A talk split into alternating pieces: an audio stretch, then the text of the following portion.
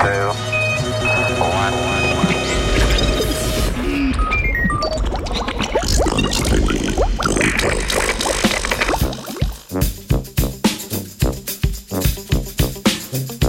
Dobro jutro. Asimetrična delitev kot rešitev ali razorožitev. Znanstvenika Ying Gu in Snežana Oliferenko sta v publikaciji Nature Communications predstavila vpliv celične morfologije na kvaliteto celične delitve. Še posebej sta se osredotočila na sposobnost celic, da ohranjajo razmerje med dolžino in širino. Spreminjanjem kemijskih in fizikalnih parametrov ter opazovanjem odzivov sta poglobila v pogled v natančno ravnan proces razmnoževanja celic.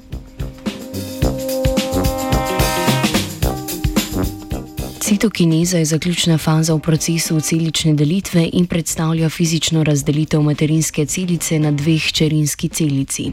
Delitev se prične s podvojitvijo genetskega materijala. Celica se v nadaljevanju ob signaliziranju različnih molekulskih modulatorjev, protein kinas, raztegne.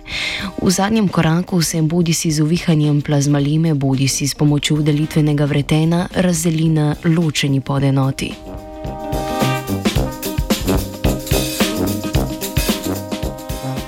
Na nivoju celice sta glavni gonili izmenjave snovi in s tem determinanti uspešnega metabolizma pasivna in pospešena difuzija. Da celični aparat razvit tekom evolucije ohranja svojo funkcijo, mora biti izmenjava snovi celice z okoljem skozi generacije čim bolj konstantna. To pa je neposredno pogojeno z obliko celice glede na razpoložljiva hranila v okolju. V primeru pomankanja hranilnih snovi so se celice primorane tekom celičnih delitev fizično zmanjšati.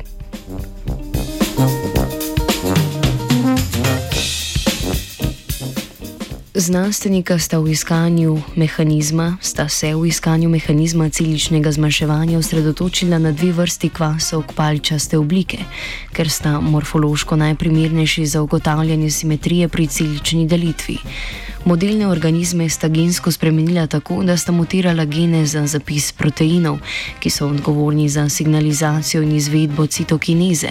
Povzročila sta, da se geni za proteine ob temperaturnem šoku ali energijskih spremembah v okolju niso izrazili.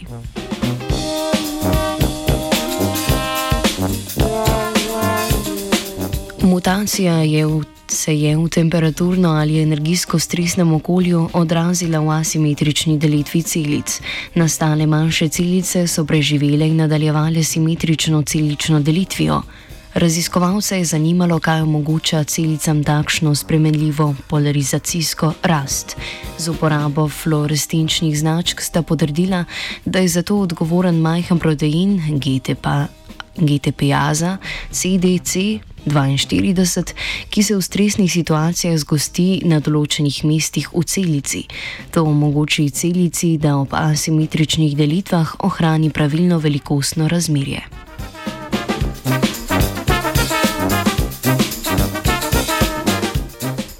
Toda ali je za preživetje celico ob spremenjeni velikosti res ključno ohranjeno velikostno razmerje? Da bi dokončno potrdila smiselno hipotezo, sta znanstvenika ustvarila mutante kvasovk, ki niso imeli proteina GTP-A za CDC-42. Slednje sta ustavila v kanale mikrofluidnega čipa. To vrstni čip predstavlja celka premjera 7 do 10 mikrometrov, narejena iz internega in netoksičnega silikonskega olja. Celice so bile tako ob delitvi prisiljene v linearno podaljševanje in ohranjena paličasta oblika je zadoščala za pravilno citokinizo.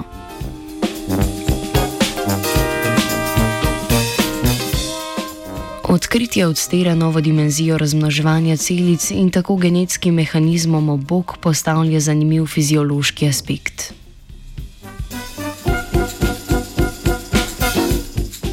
Asimetričen sestavek znanstvene simetrije je ekstrapoliral vajenec razem.